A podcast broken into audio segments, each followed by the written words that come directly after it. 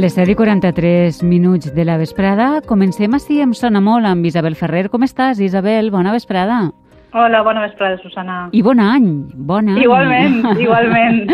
Primera conversa musical de l'any entre tu i jo. Escolta'm, uh, i, i a més molt centrada esta conversa amb les dates en què estem, no?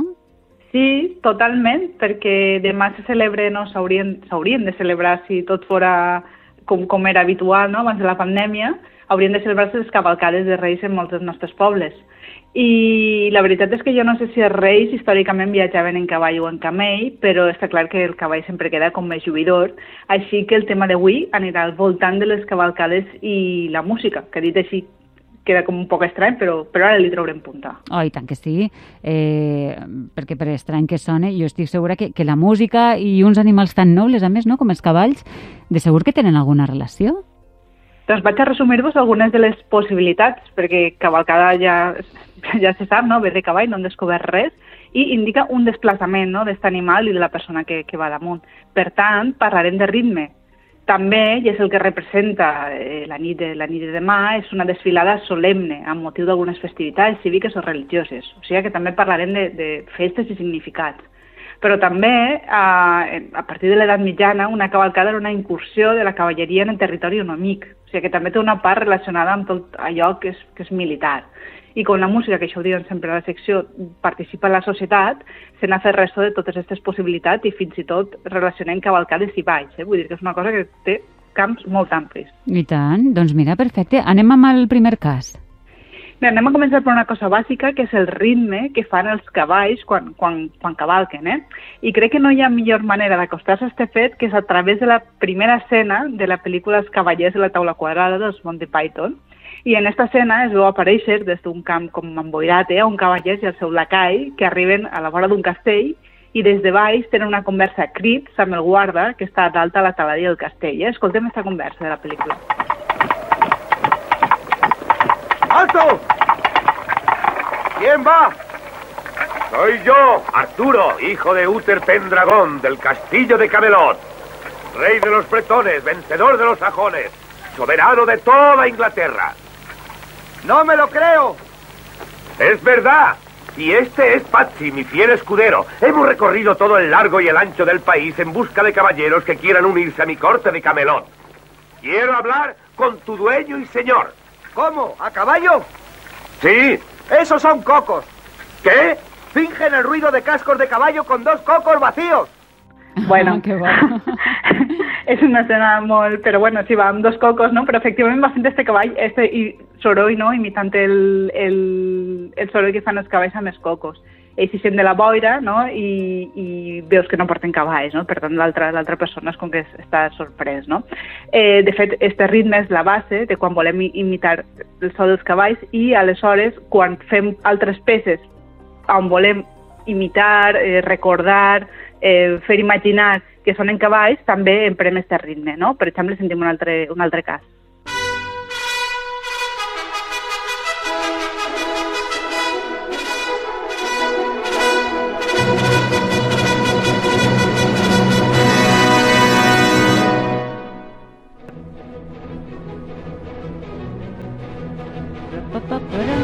Pararapapam. Sí, això és, és també una peça molt, molt coneguda. És Sí. l'obertura d'una òpera que es diu Guillem Tell, del compositor italià Giacomo Rossini, i l'argument explica la història d'aquest personatge de Guillem Tell, que és un llegendari patriota, patriota suís de, de, d'un suposat segle XIII, que va Sí. guiar els seus conciutadans en contra dels, seus, dels dominadors austríacs, no? que és el país del costat. El moment més conegut és, és que, que, que té tot el món l'imaginari, és quan Guillem Tell ha de fer honor a la seva punteria i ha disparat una fletxa amb l'arc eh, cap, cap a una poma que n'hi ha damunt del cap del seu fill. Efectivament, i mira, jo no havia associat de tota manera aquesta música amb aquesta escena, eh? que és de veres que, que, que és mm, conegudíssima. Sí, no, poques persones ho fan perquè en realitat l'òpera sencera s'interpreta molt poc. En canvi, l'obertura, que és el que estem escoltant, s'ha fet molt coneguda, entre altres coses, perquè va ser la sintonia d'una sèrie que es diu El gènere solitario, ja fa unes quantes dècades, perquè és una música com ràpida i viva que s'adapta molt bé a, a la força que tenen les cavalcades. Ah, o sigui que d'una forma o altra eh, solem associar este ritme als cavalls. Sí, sí, sí, totalment. És, és, és l'associem als cavalls, no com hem vist amb, amb els cocos, és aquest tipus de ritme. I ara passem a una altra peça, també estreta d'una òpera, però que ja no faria tant referència al ritme dels cavalls, sinó que formaria part un poc més d'esta altra faceta de les cavalcades que esmentàvem abans, que és aquella que implica una forma de mostrar i ostentar el poder. Sentim una música que aniria en aquest sentit.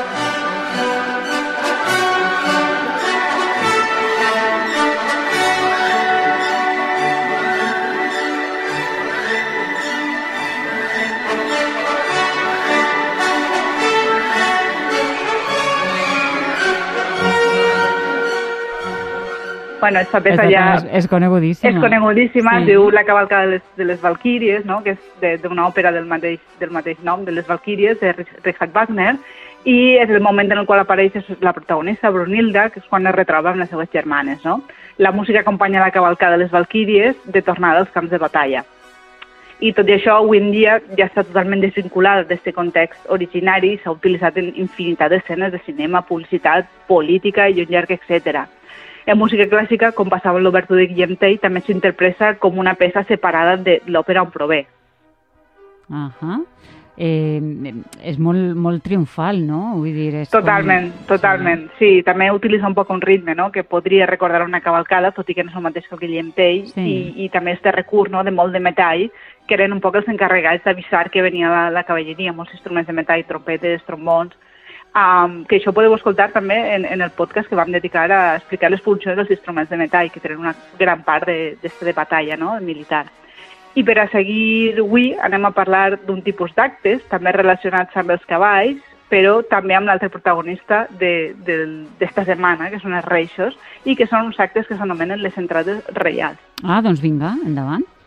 Doncs mireu, les entrades reials foren una tipologia d'acte d'espectacle que es va posar molt de moda a l'inici de l'edat moderna, eh, allà al segle XVI, fa molt de temps, i era una entrada reial, era el nom que es designava com un cerimonial que s'organitzava quan un personatge important, normalment un rei, un virrei o algú similar, visitava una ciutat. En aquells dies es parava totalment la vida de, de la URSS i s'organitzava uh, un acte que durava uns 4 o 5 dies i que par paralitzava això, eh, tota la vida de la ciutat. Estos, estos moments eh, eren moments festius, però sobretot eren un ritual propagandístic del rei que escenificava un poc qui era qui en aquella societat i qui manava, bàsicament. I com funcionaven aquestes entrades reials? Doncs, com deia, era una festivitat que durava uns quants dies organitzats al voltant d'una processió, processió cívica i religiosa, eh, on anaven les personalitats que tenien el poder, eh? nobles, eh, representants de l'Església, eh, aristòcrates burgesos, la gent que tenia més, més poder econòmic i, i polític. Era una espècie d'homenatge al rei, però també significava això. I per a que ho imagineu, parlarem d'una que va tindre lloc en València el 1599 amb motiu de eh, les noces de Felip III amb Margarida d'Àustria, que un acte que coneguem bé gràcies al treball del musicòleg Paco Villanueva. I aleshores el primer que es feia un poc era anunciar amb una crida reial la propera la propera vinguda del rei i es detallava el trajecte per on passaria, eh? un poc com fem ara, no? quan hi ha una marató o algun acte d'estos que para la ciutat. I a més a més es decretaven uns dies de festa, quatre dies de festa, que ja deien a la gent que incluïen pirotècnia i música i també la prohibició en alguns casos de treballar, perquè el que interessava és que tot el món anara a veure tot aquell sarau que estaven organitzant. Uh -huh, clar. Això imagina que, que era precisament per això, no?, que anara a la festa i que no es quedara treballant. Efectivament, efectivament, no? Es tractava de concentrar l'atenció i el públic en allò, no? També la ciutat volia que el rei vegera que ells estaven disposats a tot això i que feien un gran dispendi. I ja el dia que arribaven els reis, eixia una representació dels ciutadans més benestants, a cavall, tots, acompanyats de trompeters, tabaleters, tocant música alegre i festiva, i s'organitzava aquesta processó eh, on anaven acompanyant un poc per comitives. I cadascuna d'aquestes comitives, eh, de, com per gremis, eh, duia com la seva pròpia música. Desafortunadament, en aquest acte que vos dic, eh, de 1599, només tenim una descripció no, no exactament de quines músiques eren, sinó del caràcter, no? Era música alegre, música festiva, però en definitiva la idea és la vinculació que existia entre anar a cavall, ostentar poder i la música, que anava com en un pack, eh? Uh -huh, i queda clar això. Però, eh, clar, com encara estem en festes, eh, ens hem quedat amb ganes d'escoltar alguna peça més festiva.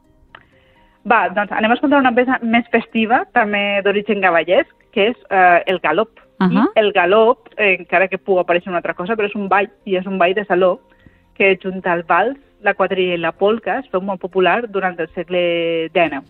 I quan jo hauré deduït, el seu nom prové del moviment dels galops dels cavalls i és un ball que és, és, és extremadament senzill de ballar. Eh? La parella s'agafa com si fos un vals, però ballen cap a la mateixa direcció fent com xicotets salts ràpids, eh? de tipus cavall, no, es, suposa que per això es diu galop. Mm. És un ball d'origen alemany que ràpidament es va estendre eh, per, per Àustria, França, Anglaterra, les zones més, més influents d'Europa.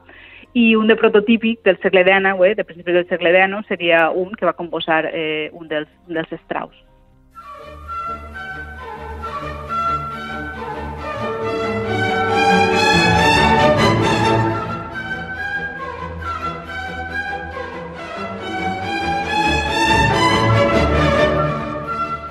Doncs escolta'm, sona senzilla i alegre, no?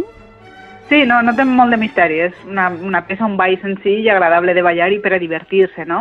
Eh, el que passa és que, com moltes altres peces de música, es va com evolucionar i es va reconvertir amb el canvi de modes amb un altre gènere que segur que ens sona molt, que és el can-can, ah, sí. eh, que ja hem escoltat alguna vegada, ens sona molt, però que el que és més famós, eh, que és d'Orfeu al Sinfest, de Jacques Offenbach, eh, sempre vau sentir-lo.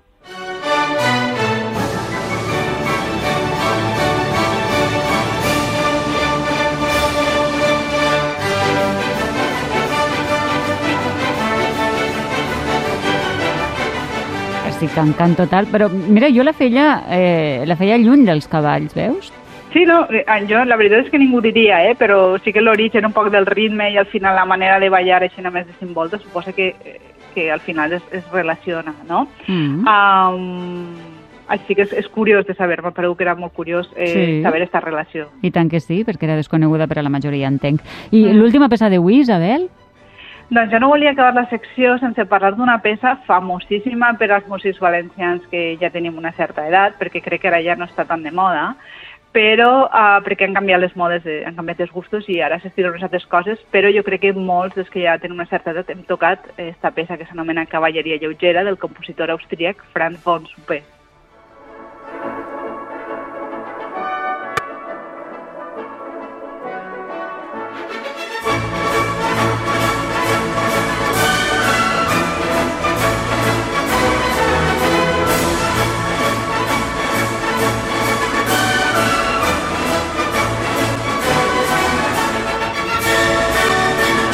Una peça també molt, molt, uh, molt resultona, eh? que dona, dona és, és, no, no és senzilla tampoc del tot de tocar, però sí que també molts instruments de metall, alegre en determinats moments, dramàtic en altres, i és, és l'obertura d'una òpera, l'argument no deixa de ser una història d'amor amb un cert refons idealitzat de conflicte de classe, amb presència d'hongaresos, no? que també queda com, com exòtic, i la cavalleria té un paper principal, d'ací com sentim, no? este ritme altra vegada, que recorda un poc el, el tacatà que dels cavalls, i el metall, que dona aquest toc uh, militar.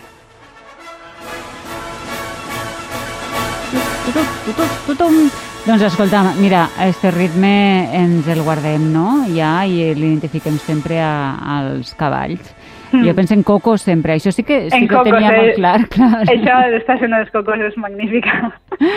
L'escena dels cocos és molt bona i de fet, Ah, molt bé, molt bé. I és això, vull dir, i, i després, vull dir, el tarara, tarara, tarara, tata, jo en els ditets això ho faig eh, moltes vegades, no? Això que fem així en el dit, tarara, saps? En, la, en tots els dits de la mà, que vas eh, Sí, posant los... sí, sí. No sé, suposo que és una cosa que fem molts precisament en esta, en esta peça. Mm. Doncs escolta, molt interessant, curiós, eh, curiosíssima avui la secció, eh? relacionada amb les cavalcades i, i doncs amb les dates en què estem. Demà, dia de cavalcada. Uh, bueno, de, sí, uh, sí, vull dir, no a tots els llocs es farà, però sí, allà on es faça eh, la gaudirem i on no la imaginarem i la somiarem fins a l'any que ve. Clar que sí. Doncs escolta'm, Isabel, uh, també una abraçada forta i ens veiem la setmana que ve. Igualment, la semana que ve. Una abrazada grande. Una abrazada adéu,